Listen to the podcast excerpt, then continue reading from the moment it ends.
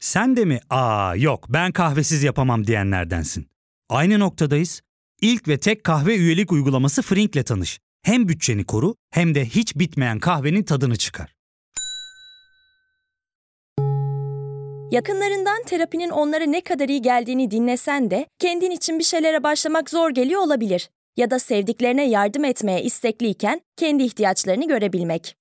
Hayvel, uzman psikologlarıyla kendi ihtiyaçlarını bulmanda sana destek olacak. Terapi yolculuğuna başlamak için detaylı bilgi bölümün açıklamalarında. Piyasalarda ipler oldukça gergin. Üstelik piyasaları tutan ip de artık kopmaya başladı. Ülke risk birimi CDS 900 puanı geçti. Uzmanlar kapıda bir döviz likidite tehlikesinden bahsediyor. Peki neler oluyor? Bütün bunlar ne demek? Nedir bu CDS primi? Döviz likidite krizi ne anlama geliyor? Böyle bir krizin gerçekleşme olasılığı gerçekten nedir? Daha önce benzer bir kriz yaşadık mı ya da? Buna benzer bir dizi soru akla geliyor tabii. Trend Topik çatısı altında başladığımız ekonomi odaklı yeni serimiz Trend Ekonomi'nin ilk bölümünde tüm bunlara beraber cevap arayacağız. Bu bölümde bir de uzman desteği aldık. Sizlerin de tanıdığınızı düşündüğüm finans uzmanı Murat Kubilay ile Podbi Medya stüdyolarında sohbet etme imkanı bulduk. Ben Ozan Gündoğdu. Asabınızı diri tutun. Hadi başlayalım.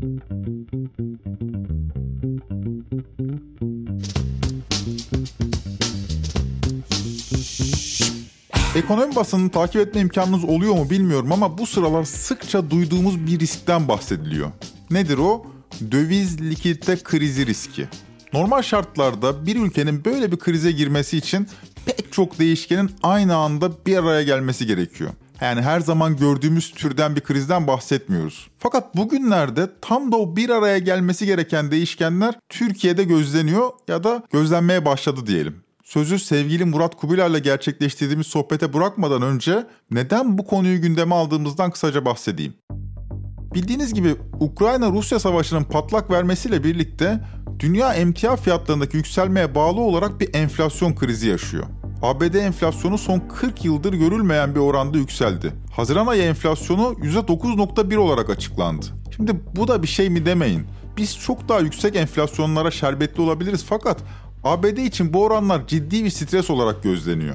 Enflasyondaki gelişmeyle birlikte kapitalizmin merkezlerinde de para politikası sıkılaşmaya başladı. Yaşanan enflasyon karşısında Mayıs'ta 50 bas puan faiz arttıran Amerikan Merkez Bankası Fed, Haziran'da da 75 puan faiz arttırdı. Şimdi son zamanlarda kürede yaşanan tablo özetle bu. Yani küresel çapta para politikası özelinde bir enflasyonu düşürme programının tam ortasından geçiyoruz şu anda. Yani başka bir ifadeyle küre kemer sıkıyor ya da bizdeki ifadeyle acı ilacı içiyor. Fakat bir de Türkiye'nin durumu var tabii. Eylül ayında başlayan politika faizini düşürerek ekonomide gaza basma adımı kobi ölçeğinde üretim yapan sanayiciye yaradı. İhracat arttı, büyümede gaza basıldı, işsizliğin yükselişi durdu. Tamam fakat tümüyle öngörülemez finansal piyasalar meydana getirdi. Aralık ayında yaşanan kur şoku ancak kur korumalı mevduat adında bir korumasız opsiyonla frenlenebildi. Buna karşılık kurdaki yükseliş de Ocak ayından bu yana devam ediyor. Merkez Bankası yetkililerinin bizzat şirketleri arayarak döviz satmaları yönünde ricacı oldukları dedikoduları giderek artıyor. Son olarak dedikodu olmaktan da çıktı ve bir habere dönüştü bu dedikodular. Dünya Gazetesi Yönetim Kurulu Başkanı Hakan Güldağ 14 Temmuz'da Bloomberg HD'de katıldığı programda şunları anlatıyor. Türkiye'nin her, her şeyi çok açık açık konuşması lazım. Çok net konuşması lazım. Bugün telefon ediliyor. Bir gene bir iş insanı, genç bir iş insanı, e, dostumuz dedi ki konuşuyoruz sohbet sırasında. Ben dedi geçenlerde telefon aldım dedi. Ben şaka sandım dedi. Ne telefonu? E, Merkez Bankası'ndan e, Ya şaka, lütfen şaka falandır. ha. şaka filan değil. Şaka filan değil. Böyle O- arıyor, mesela diyor biz Ben işte duyuyordum polisiz ama arkadan diyor. telsiz Yok. falan öyle Ben duyuyordum ama diyor bunu da bilmiyor. Yani bö- böyle de başıma gelmemişti diyor. Ama arandım ve denildi ki bana bir kısım dolar satmanızı istiyoruz. Ya bizim işte ihracatımız var biliyorsunuz. Biz sizi çok iyi biliyoruz. Takipte ediyoruz. Gayet de başarılı ihracat yapan bir firmasınız. Ama şu sıralar lütfen bununla ilgili bir sıkışıklık var. Bir kısım doları satın. Ya işte önümüzdeki hafta alımlarımız var vesaire. Yok sizden özellikle istirham ediyoruz. Bir kısım satın. Şu aralarda bir sıkışıklık var. Diyor ki ben de ne yaptım ettim diyor. Küçük de olsa bir şey sattım diyor. Aa telefon geldi diyor. Çok teşekkür ederiz. Aman iyi ki bunu yaptınız. Size minnettarız diye telefon geldi dedi. E şimdi bu bana işlerin çok düzgün gittiğini anlatmıyor bu tablo. Ben burada iş insanlarının bana anlattıklarını aktarıyorum. Üzerine ne bir şey ekliyorum ne bir şey çıkarıyorum. Şimdi Merkez Bankası tarafında tablo bu. Enflasyona bakalım Merkez Bankası'nın görevi olan. Sadece Ocak, Şubat ve Mart aylarındaki fiyat artışları karşılaştırılsa dünyadaki enflasyon liginin şampiyonu biz oluyoruz. İktidarın Eylül ayında başlattığı bu yeni ekonomi programının çok riskli olduğu zaten belliydi. Bu risklerin tümünden çıkış planı olarak cari açığın kapanması hatta cari fazla verilmesi öngörülüyordu. Plana göre faizlerin aydan aya düşürülmesi döviz kurunu kontrollü biçimde yükseltecek. Bu esnada kontrol Merkez Bankası rezervleri kullanılarak sağlanacak. Tamam. Döviz kurlarındaki yükselmeye bağlı olarak ithalatın yerine burası kritik yerli üretim alacak. Yani döviz kurları yükselince ithal etmek yerine içeride üretmek daha az maliyetli hale gelecek ve böylece yerli üretim artacak. Yerli üretimin de finansmanı kim sağlayacak? Düşük faizli bankacılık sistemi tarafından sağlanacak. Yani böylece bir zincir tarif edilmişti bize yaklaşık 8-9 ay önce. Böylece kısa süre sonra da Türkiye cari fazla verecekti. Yani bir döviz likidite krizi yaşamamamız için gerek koşul cari açığın kapanmasıydı. Tüm bunlar nasıl olacaktı? Faizleri düşürerek olacaktı. Fakat bu plan daha ilk aylarda patladı. Cari fazla bir yana cari açıkta rekorlar kırılmaya başlandı. Çünkü Türkiye ekonomisi düşük faize ithalat yerine yerli üretim diyerek değil, daha fazla ithalat diyerek cevap verdi. Finansal istikrarsızlık, kredi faizlerindeki yükselme, döviz kurlarındaki oynaklık başlarda keyifli olan sanayi kesiminde yavaş yavaş germeye başladı. Sadece bu değil, bir de üstüne Mart ayında patlayan Rusya-Ukrayna savaşının enerji fiyatlarını sert şekilde yükseltmesi cari açığı iyice köpürttü. Bu haliyle Merkez Bankası rezervleri kontrollü döviz kuru için kullanılıyorsa cari açık nasıl finanse ediliyor? Normalde yabancı sermaye akışıyla dememiz lazım ama yabancı sermaye girişleri de yok. Yani cari açık nedeniyle sürekli ülkeden döviz çıkıyor. Bunun telafisi Merkez Bankası rezervleri fakat bu rezervler de döviz kuru için kullanılıyor. O halde dışarıdan para girmesi lazım fakat para da girmiyor. Türkiye'ye yatırım yapmak isteyen fonlar rekor seviyede faiz istiyor. Ülke risk primi CDS 900'ü aştı. Başka bir ifadeyle ABD'nin %3 ile borçlandığı doları tüm bu riskler nedeniyle biz %12 ile borçlanıyoruz. Şimdi neyse ki yaz aylarındayız. Turizm dövizleri var. Fakat gözler sonbaharda sam da bu yüzden. Piyasalardaki gerginliğin konusu döviz likidite krizi. Bu konu son olarak siyasetin de gündemine girdi. CDS priminin 900'e çıkması tüm partilerin ekonomi kurmayları tarafından gündeme taşındı. Gelecek ve Deva özellikle bu konuyu gündemlerinde ilk sıraya yerleştirdiler. Genel başkanlar düzeyinde açıklama yaptılar. Mesela Gelecek Partisi lideri Ahmet Davutoğlu'nun Twitter hesabından 15 Temmuz'daki paylaşımı şöyle. Ben ve kurmaylarım aylardır ikinci bir kur dalgası ve iflas ihtimalini dillendiriyoruz. Her fırsatta bu liyakatsizlere ülkeyi petrol, doğalgaz, ilaç alamayacak duruma getireceksiniz diye haykırıyoruz. Ancak gerçek bir kırılma noktasındayız. Derhal şu cahil inadınızdan vazgeçin. Davutoğlu bu mesajı paylaşırken Deva'nın lideri Ali Babacan 15 Haziran'da yaptığı konuşmayı sosyal medya hesaplarından tekrar paylaşarak sözlerini tazeledi. Tarih şahit olsun ki ben bugün buradan uyarımı yapıyorum. Ülke olarak uçurumun eşine geldiğimizi söylemek ve hükümeti derhal göreve çağırmak üzere karşınızdayım. Ekonomik ve finansal bir beka sorunuyla karşı karşıya olduğumuzu özellikle belirtmek istiyorum. Kaygılıyım çünkü ülkemizin temerrüt riski yani iflas riski bugüne dek görmediğimiz bir seviyeye ulaşmış durumda. Türkiye'nin temerrüt riskinin yani iflas riskini gösteren 5 yıllık CDS yani kredi temerrüt takas oranı tam 836 bas puana çıkmış durumda bugün. 836 bas puan. Şu anda ülke tam bir çakılmaya doğru gidiyor arkadaşlar. İnanın an meselesi, an o uçurumdan aşağıya düşmek, o temerrüt ve iflas çukuruna düşmemiz an meselesi. Bir gecede olur ya. Bu işin şakası yok. Ben gördüm çünkü bunu. Dünyada pek çok ülkede gördüm. O iflasın, temerrütün ne olduğunu biliyorum. Perişan olur herkes. İnanın yaşanacak bir ülke olmaz Türkiye ondan sonra. İflas demek benzin gibi, mazot gibi temel ihtiyaç maddelerinin parayla bile bulunamaması demektir. Paranız var. Yarım depodan fazla alamıyorsunuz. Ya da yok. 3 saat kuyruğda bekliyorsunuz. İflas işte odur. Her gün 6 saat, 10 saat elektriğin kesik olduğunu düşün memlekette. İşte tehlike bu arkadaşlar. Tablo Ali Babacan'ın anlatımıyla bu şekildeydi. İlla ki işin içinde politikanın getirdiği köpüklü anlatım olacaktır. Peki ya biraz daha objektif baksak, gerçekten nedir tablo? Bu krizin anatomisini, nedenlerini, sonuçlarını, olası senaryolarını uluslararası finans uzmanı Murat Kubilay ile konuştuk. Sizleri Galata Kulesi'ne nazır yaptığımız o söyleşiye götürmeme izin verin. Sevgili Bob merhaba. Podbi Medya stüdyolarına hoş geldin. Şimdi ciddi bir gerginlik yaşıyor piyasalar. Bu ciddi gerginlikte başrol oyuncularını söyleyeyim ben sana. Mesela CDS diye bir şeyden bahsediliyor. Çok fazla adını duyduğumuz artık, çok fazla bunu duyduğumuz bir döviz likidite krizi diye bir şey var. Ya bu döviz likidite krizine önce odaklanalım. Nedir döviz likidite krizi ve Türkiye neden böyle bir krizin eşiğindedir diye yorumlar duyuyoruz. Şimdi fırtına öncesi son sessizlik vardır derler ya işte tam da öyle bir durum. Bu biraz teknik kaldığı için insanlar hayatını doğrudan vurduğu zaman ancak idrak edebildikleri bir şok oluyor. Öncesinde bir tam olarak döviz likiditesi nedir diye ondan bir bahsetmek isterim. Bir ülkenin bir ulusal ekonominin elinde döviz varlıkları var. Nakit cinsi bunlar çoğunlukta.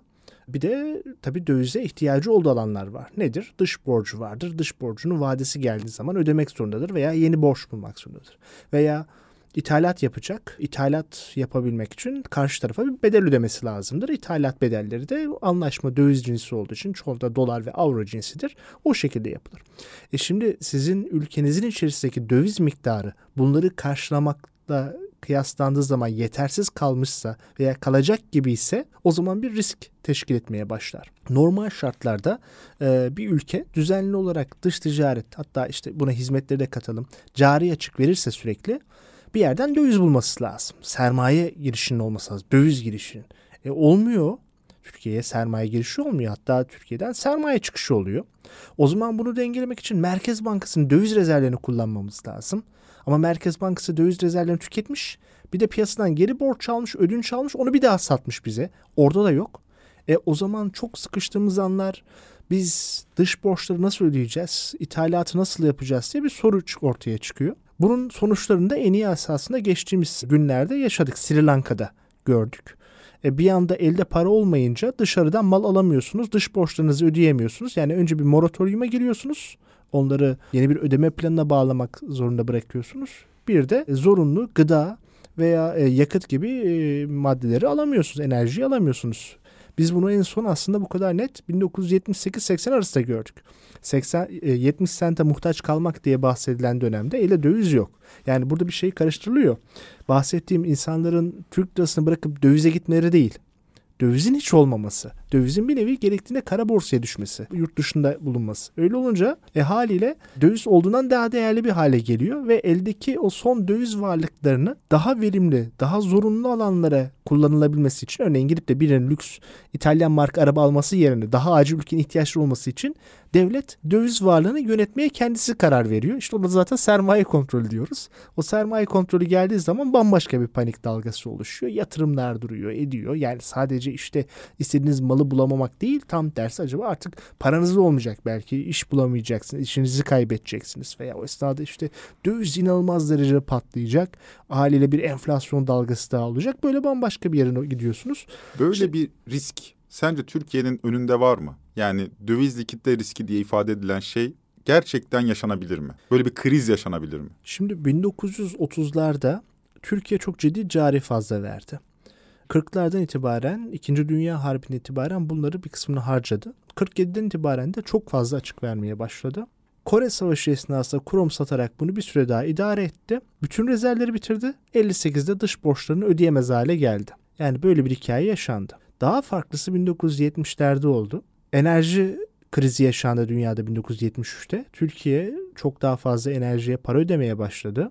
Diğer taraftan Kıbrıs Barış Harekatı oldu. Yurt dışından batıdan para alamamaya başladı. Bu esnada işçi dövizleri vardı. İşçi dövizleri yetmemeye başladı. İşte o dövize çevrilebilir mevduatlar da o dönem çıkmıştı. Sonunda 77'de borçları ödemekte zorlandık. 78'de ödeyemedik. Paris kulübüne yani bunların böyle o dönem daha tabii mütevazı bir ülke olduğumuz için böyle alacakların bizi küçümsedikleri masalara düştük.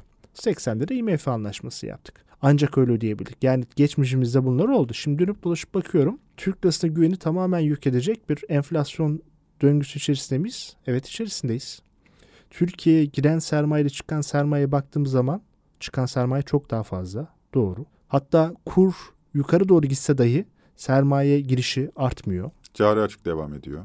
Cari açık devam ediyor. Bu enerji fiyatlarıyla düşmesi çok mümkün değil. Dünya durgunluğa girer ki böyle bir ihtimal var. Enerji fiyatları düşerse bir açıdan lehimize gelir ama diğer açıdan biz ihracata da bağlı bir ülkeyiz. Nasıl kime ihracat yapacağız? Böyle bir sorun var. Dünya yoksullaşırken bize turist olarak kim gelecek? Böyle bir sorun da var. Yani ithalatımızı kısarken ihracatımız da kısılacak. E, dolayısıyla ülkedeki döviz varlıkları çok kısıtlı hale geliyor. Bir yıldan kısa vadeli dış borç ödemeniz de 182,4 milyar dolara gelmiş. E, nasıl ödeyeceksiniz? Merkez Bankası'nda kasasında böyle bir döviz yok. Yurt dışından yeni bir kaynak da bulamadınız. En azından şu anda bize açıklanan böyle bir şey yok. Kayıt dışı yöntemlerle gelen paralar işte 3 ayı 5 e, değil 3-5 haftayı ancak kurtarır diyelim. E, bu ortamda evet böyle bir risk var mı? Var. Zaten bunun sağlamasını yapmak da çok kolay. Kredi derecelendirme kuruluşları 3 tane işte Batı Finans Kapital'in ana kuruluşlarına baktığımız zaman artık neredeyse iflas diyeceğimiz durumun iki tanesinde 2 not, bir tanesinde 3 not üstünde. S&P bir tık daha iyi. O da muhtemelen birkaç ay içerisinde o da not düşürecek. Belki o zamana bile kalmaz. Ee, yani böyle bir risk olduğunu onlar da söylüyorlar. Dahası işte çok popüler oldu. ABD yargısına tabi olan Türkiye'nin 5 yıl vadeli euro tahvilleri var. Yani döviz cinsi borçlanma senetleri. Bunlar Güney New York'taki mahkemeye bağlıdırlar. Yurt dışı borsada da kot edirler. Bizdeki borsaya da kot edirler. Bunların bir sigorta risk primi var. İşte o CDS dediğimiz şey bu oluyor. E onlar da %8,5-9'a gelmiş primi. Yani siz her yıl %8,5-9 kadar prim ödeyip ana parasını kurtarmak için sigorta alıyorsunuz. Yani demek ki orada da çok büyük bir rahatsızlık var. Çünkü normalde Türkiye'nin düzeyindeki ülkelerin olması gereken şey 150-200 bas puan. Yani %1,5-2. Buradaysanız hiçbir şey lehinize gelişmiyor. Yurt içerisinde daha güvenli bir ortam olacağına inanıp da yurt dışından para getiren kirli para da yok. Varlık barışları yapıyorsun sürekli gelmiyor. Sürekli hayali para kaynakları arıyorsunuz. İşte yok Rusya'dan şu geliyor bu geliyor. Belki de geliyordur da. Ölçemiyoruz, gözlemleyemiyoruz ama yetmiyor. Sonuçta bakiye açıklanıyor. Türkiye'nin cari açığı çok büyük. Türkiye'nin dış borçları çok kısa vadeli. Ve neticesinde evet böyle bir risk maalesef var mı? Çok ciddi şekilde var. Şimdi bu riskin daha önce gerçekleştiği tarihleri 58 ve 78 olarak söyledin ama 58'de de 78'de de Türkiye'de kambiyo denetimi vardı. Yani TL convertible değil. Sermaye hareketleri tümüyle serbest artık. 1980'den sonra böyle bir şey yaşamadık. Yani sermaye hareketlerinin tümüyle serbest olduğu bir dönemde bir temerrüt yaşanmadı Türkiye'de. Depreme benzetelim hadi bu döviz likitte riskini. 58-78'deki bir temerrüt mü çok daha yıkıcı olur yoksa bu dönemde 2022'de yaşanacak bir temerrüt mü daha yıkıcı olur? Şimdi eskiden Türkiye ekonomisi dünyadaki birçok ekonomiyle birlikte kendi içine kapalıydı. Dünya da böyleydi. Bu kadar küreselleşme denilen bir şey yoktu. Döviz kurları da sabitti. Böyle piyasalarda dalgalanma da yoktu. Yani bunlar Türkiye finansal açıdan geride, geriydi. Türkiye'de yoktu da dünyada var değil. Dünyanın hiçbir yerinde yoktu. 71'den önce zaten kurlar sabitti. Onun önce de altın standardı vardı. Yani şu Asya yaşadığımız birçok şey son 30-40 yıllık mevzular. Fakat öyle bir açık ekonomiye geçtik ki ve gümrük birliği içerisine girdiğimiz mesela bizim e, son rakama da dün bakmıştım. Türkiye ekonomisinin %39'u kadar ithalatımız var. 31'i kadar da ihracatımız var. Şimdi böyle bir ortamda o kadar çok döviz girişi oluyor ve çıkışı oluyor ki bunları durdurursanız engellerseniz ekonominizin normal hareketlerini, dinamizmini korumanız mümkün olmaz. Eskiden bu, bu 70'li yıllarda nasıl olurdu? Top var işte odalar ve borsalara bağlı olan kurumlar döviz tahsisatı yaparlardı. Yurt dışına gideceksiniz öğrencisiniz Amerika'ya giderdiniz belli bir miktar döviz tahsisatı verilirdi. İşte kabul yazınızı falan vereceksiniz edeceksiniz. Niye gidiyorsun, nasıl gidiyorsun, hangi okulda bunları hep kanıtlamanız gerekiyor. İyi de şu an Türkiye çok büyük nüfusa sahip bir ülke. Küreselleşmeden ötürü ihracat yapan şirketlerin bile devasa ithalatı var. Ham madde alıyor, önemli kritik elektronik maddeleri alıyorlar, enerji maddeleri alınıyor. Bu bir tek petrol, doğalgaz veya kömür alımı gibi büyük az sayıda şirketin yaptığı işler değil ki. Sürekli para giriş çıkışı var. Şimdi hangi, kim bunun tahsisatıyla uğraşacak? Kim bunları denetleyecek? Bakın en basit bir karar aldı BDDK. Dedi ki işte toplam varlıklarının veya satışlarının %10'dan fazla döviz olan bağımsız denetime tabi şirketler ucuz kredi alamazlar dedi. Ya bu sonrasında geri adım atmaya başladı. Bu çünkü bunun denetimin çok zor olduğunu gördüler. Bir de Türkiye çok kayıt dışısında olduğu bir ekonomi. Yani dünyaya iyisiyle kötüsüyle doğru veya yanlış hiç bunlara girmiyorum. Aşırı entegre olmuş bir ekonomimiz var. Dolayısıyla böyle bir şeyi yani böyle bir ödemeler dengesi krizi diyoruz biz buna işte. Olursa arkasından bir sermaye kontrolü gelirse Türkiye ekonomisi ayakta kalamaz. Ya fark ettin mi? Biz en çok kahveye para harcıyoruz. Yok abi bundan sonra günde bir. Aa Sen Frink kullanmıyor musun? Nasıl yani? Yani kahvenden kısmına gerek yok. Frink'e üye olursan aylık sadece 1200 TL'ye istediğin çeşit kahveyi istediğin kadar içebilirsin. Günlük 40 TL'ye sınırsız kahve mi yani? Çok iyiymiş. Aynen. Hatta şu anda 200 TL'lik bir indirim kodu da var. E hadi hemen indirip üye ol da bu fırsatı kaçırma. Terapiye başlamak, içinden çıkamadığın döngüleri kırmak, bazı yanlış bulduğun kararlarını değiştirmek ve kendinle beraber daha huzurlu bir yaşam inşa etmek için atabileceğin en değerli adımlardan biri. Hayvel ile yoğun yaşam tempona uyum sağlayarak online terapi seanslarını takvimine göre ayarlayabilirsin. Bini aşkın uzmandan sana en uygun terapisti seçebilir, PodB10 koduyla indirimden yararlanabilirsin. Detaylı bilgi açıklamalardaki bağlantıda. Şimdi ayakta kalamaz da. Kalıyor yani kalıyor derken 2018'de Rahip Brunson şokunu yaşadık. 2019'da sert faiz artışı, 2020 pandemi. Şimdi giderek dibe doğru batan ama günün sonunda bir bankaların önünde mudiler görmüyoruz. 2001'dekine 94'tekine benzer bir şok, büyük bir şok yaşamıyoruz. Ekonomi dayanamaz denip duruyor. İyi de e, dayanıyor işte. Bir gecede olur bunlar. Bir gecede yani e, işte bir cuma akşamı olağanüstü bir toplantı yapılır. Cumartesi sabahı banka genel müdürü ve yönetim kurulu başkanları acil toplantıya çağrılır. Sonra akşam saatlerinde onlar kendi yöneticilerine durumu beyan ederler. Millet bu esnada bankamatiklere gider. Herkes parasını çekmeye çalışır. Bankamatiklerin şubelerin önüne jandarma polis konmak durumunda kalır. Pazar sabahı bütün banka personelleri gelir. Eğitim alırlar. Ne yapacaklarını onlara anlatırlar. Bütün elektronik sistemler bunlara göre oluşturulur. Pazartesi günü hayatımıza gide devam ederiz. Şimdi bu Peki bunlar böyle böyle, bir- olur yani. Böyle bir durumda daha önce buna benzer şeyler yaşadık. 94'te, 2001'de keza. Böyle bir durumda IMF'ye giderdi Türk hükümetleri. Şimdi ne yapabilir? IMF'ye gitmeyeceğini varsayıyorum. Yani zaten IMF'ye Türkiye gidemez. Bir kere şimdi orada bir bilgi hatası var. Türkiye IMF'nin bir üyesi normal şartlarda tabii ki e, IMF'nin çok eleştirim tarafları var ama o ayrı bir konu bugün konusu değil. Gayet girip isteme hakkı var ama e, IMF'de kararlar büyük kararlar %85 çoğunlukla alınıyor ve %15'in üzerinde oy oranı olan ABD. ee, bir tek ABD var. Yani ABD isterse veto koyabilecek tek ülke. Bir de bütün olarak Avrupa Birliği koyabiliyor. Ama Avrupa Birliği'nde böyle karar almak çok zor. E peki ABD vetosu var mı?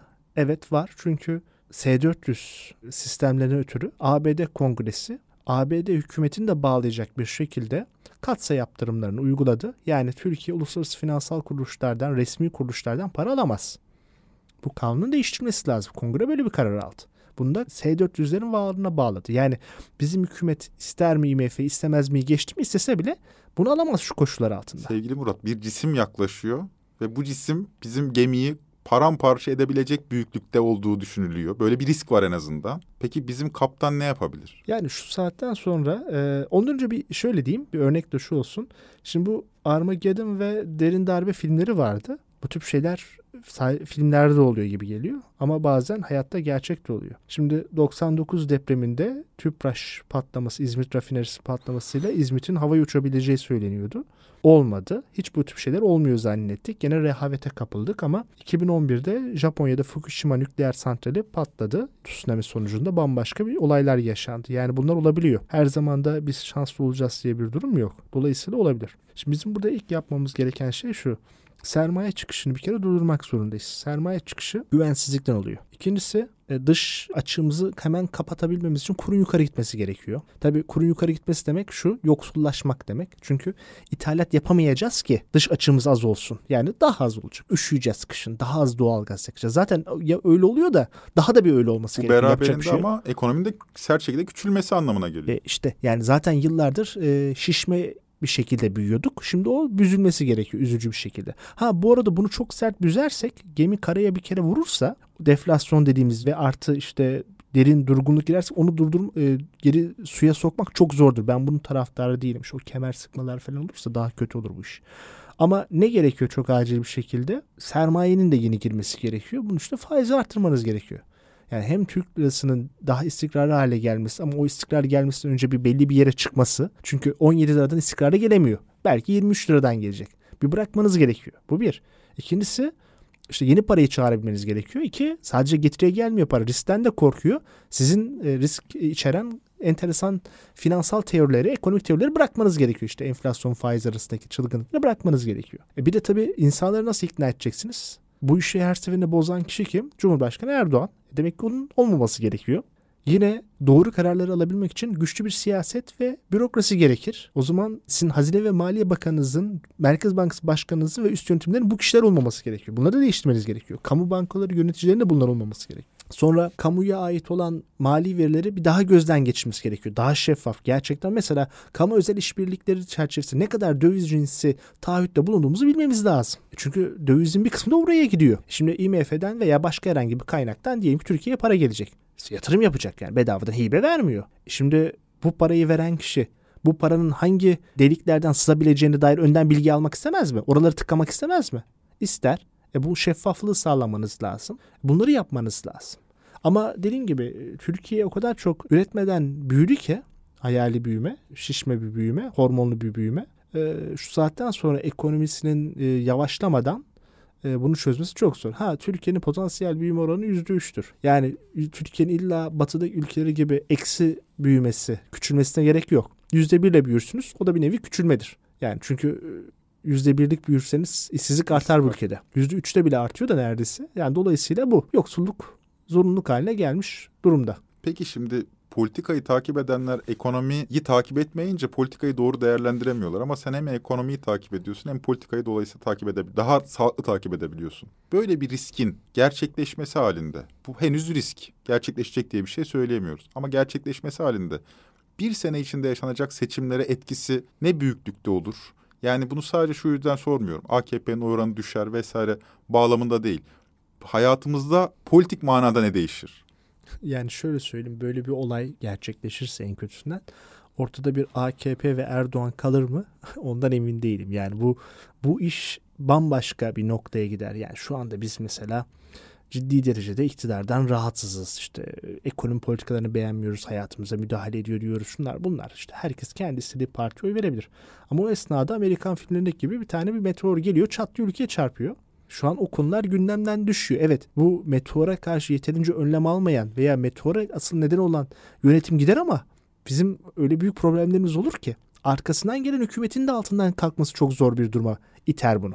Çünkü az önce de bahsettim ekonomi bir kere tam durursa onu yeni yani karaya oturursa onu yeniden suya çekmek çok zor bir şey. Çok maliyetli bir şey. O esnada bir sürü batık kredi olacak Sağlıklı firmalar bile karşı taraf battığı için alacaklarını tahsil edemediği için batık hale gelecek. Bu insanlar işsiz kalacaklar. İşsiz kalınca insanlar tüketimi daha az yapacaklar. Tüketim azalınca üretim bir daha azalacak. Aynı zamanda batık krediler bankalara birikecek. Bankalar bir kısmı belki kurtarılması gerekecek. Devlet bolunakları elindeki maliyetleri buraya kullanmaya başlayacak. O zaman sosyal devlet daha zayıflayacak.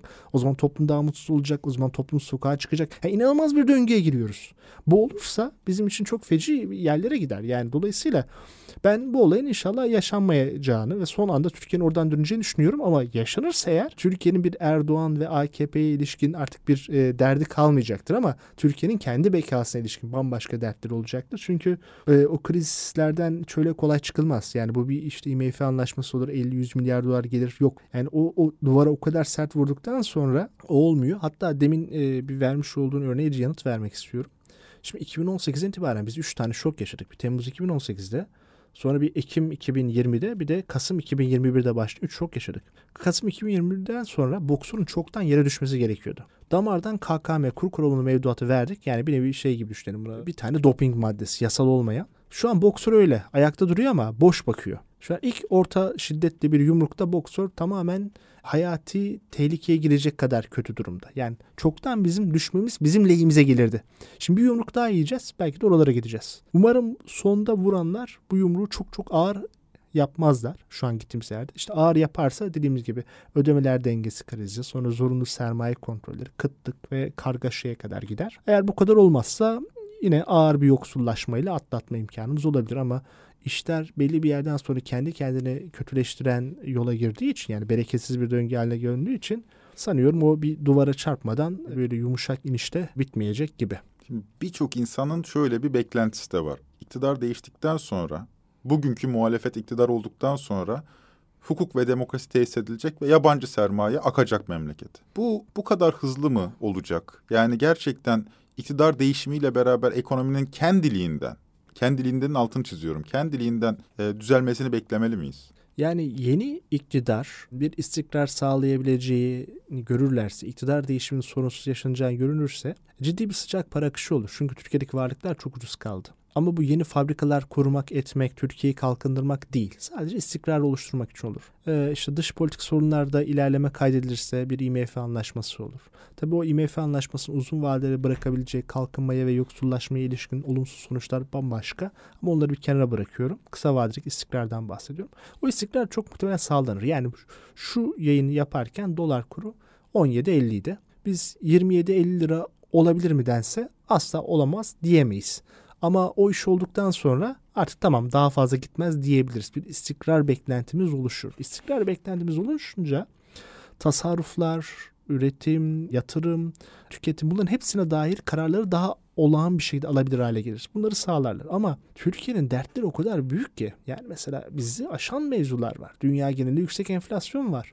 Yani 1978-82 arasında sırasıyla Brezilya, Arjantin, Meksika iflas ettiler. Yani bu yüksek e, ABD enflasyonu e, Türkiye istese bile kolay bir şekilde normalleşmesini zorluyor. Bunun haricinde Türkiye'nin mesela kalkınması için en büyük problemlerden biri gençliğini yetiştirememesi. Müthiş bir genç var. E, gençler de iyi yetiştirilemedi. Onlar bunun suçlusudur veya mağdurdur. Ayrı bir konu girmiyorum orada ama e ne yapacaksınız? İktidar değişince bir anda bütün gençler yabancı dil mi öğrenecekler otomatikman? Öğrenmeyecekler. Herkes yazılım mı öğrenecek? Olmayacak. Yine ÖSS'de işte üniversite sınavında girenlerin 50 bini sıfır çekecek. Yani dolayısıyla bazı şeyler kısa vadede hemen değiştirilemez. E, ağır bir dış borç yükü bırakılmış. Kamu özel işbirliği üzerinden bırakılanlar, yükler var. E, kur korumalı mevduat üzerinden bırakılan yükler var. Bunların da bir, tabii ki Türkiye'nin e, hızlı bir şekilde toparlanmasını e, engelleyecektir. Yani özetle kısa vadede eğer iktidar değişiminden sonra istikrarı sağlayacak ve temel bazı doğruları yapabilecek bir iktidar oluşursa evet bir nefes alınır. Yine bu esnada temel hak ve hürriyetler geri geleceği için demokraside adalette iyileşmeler olacağı için bir yüzümüz gülümsemeye başlar. Ama orta vadede bir enkaz bırakılacağı için çıkış o kadar kolay değil. Küresel koşullar o kadar iyi olmadığı için kolay değil. Uzun vadede ise çok çok daha radikal dönüşümler yapmamız lazım. Yani bizim bu eğitim sistemini, vergi sistemini, bazı sanayi sektörlerindeki özelin kamunun payını nasıl geliştireceğini bunların hepsini tartışmamız lazım. Bunlar olmadan büyük dönüşümler gerçekleşmeden istediğimiz hedefe ulaşamayız. Murat Kubilay'la yaptığımız söyleşiyi dinlediniz. Çok uzatmadan kapanış adına ben kısacık yorumumu ekleyeyim. Bir cisim yaklaşıyor. Belli ki bir cisim yaklaşıyor. Fakat büyüklüğünü, küçüklüğünü kestiremiyoruz. Fakat iyimser bir tablo da çizemedik gördüğünüz üzere. Tablo fena görünüyor. Trend Topi'yi ve Trend Ekonomi'yi Podbi Medya ile beraber hazırlıyoruz. Bir sonraki bölüme kadar insan onuruna yaraşır bir hayatınız olsun. Hoşçakalın.